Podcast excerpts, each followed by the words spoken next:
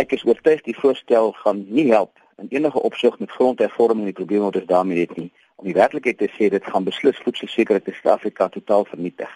Jy weet as mens die voorstel reg bestudeer en kyk presies wat dit behels, dan is my baie duidelik dat die minister en die departement nie regtig die ingewikkeldhede van moderne kommersiële landbou verstaan nie. As jy met boere gaan praat en geld vir swart en wit kommersiële boere, is die belangrikste ding wat hy nodig het is eiendomsreg op sy grond en sekerheid vir die toekoms, want hy moet nou by die bank gaan geld leen om te kan 'n risiko loop om dan winsgewend te wees. Hierdie plan vat dit alles weg en daarom kan dit regtig nie werk nie. Mulder sê die voorstel is nog nie bespreek op enige regeringsforum of struktuur waarop hy dien nie. As ek dink minister van landbou dink ek darm dis te sake dat die landbou ook daarna kyk en die departement daarna kyk. Nou op alle vergaderings wat ek teenwoordig was en alle strukture, regeringsforums of kabinetskomitees, die voorstel nog nie bespreek nie. Dit mag 'n voorstel wees wat in ANC kringe beweeg waar ek nie is nie, maar sover ek weet is hierdie 'n vlieër wat opgestuur word deur die departement uh, van grondsake om te kyk hoe reageer boere en dan te kyk hoe ver dit kan implementeer uiteindelik. Ek dink dit meer staat is as dit 'n besprekingsdokument op hierdie stadium is nie en hooplik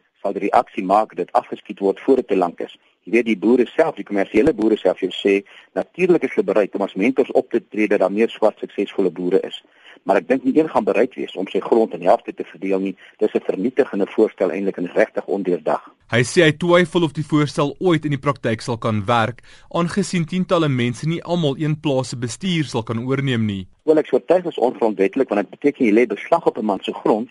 Jy vat die helfte van sy grond, jy beloon hom nie regtig daarvoor nie en jy sit nog eienaars daarop. Nou as jy vra moet hy nou saam met die eienaar bestuur en boere eintlik. Jy weet ek weet van 2, 3 broers wat nie kan saamwerk op een plaas het eintlik nie. Wat nog 6, 7, 10 ander mense saam. Uh, en die kundigheid, jy kan nie outomaties aanvaar dat al die werkers die kundigheid het nie. My eerlike ervaring is hulle sal verkies om die geld te vat, dan gaan hulle stad toe gaan uiteindelik en daar in 'n plakkerskamp werk en dan dat ons agteruit gevorder in elk geval.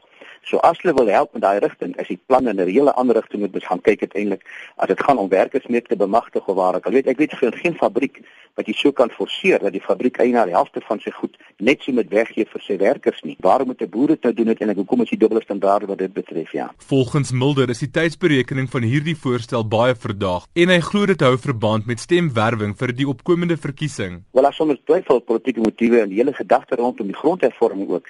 Jy weet dat die grondeise nou deurgeforseer is deur die parlement dat grondeise weer oopgestel gaan word is baie verdag. Dit skep totale onsekerheid. Ek hoop regtig common sense kom terug na die verkiesing. Laat ons weer prakties kan kyk na voedselsekerheid en wat aangaan uiteindelik. Want tussen die nuwe grondeise en tussen hierdie voorstel is jy besig om uiteindelik die landbou te vernietig. Ek hoop dis besprekingsdokumente, ek hoop dit is propaganda en dat common sense gaan inskop en dat ons uiteindelik die landbou kan red. Onthou nou die 36000 kommersiële boere produseer 95% van ons kos. As jy aanhou hulle te teken vir propaganda doeleindes, hulle beweeg tans na Afrika toe 2000 is reeds daar uiteindelik.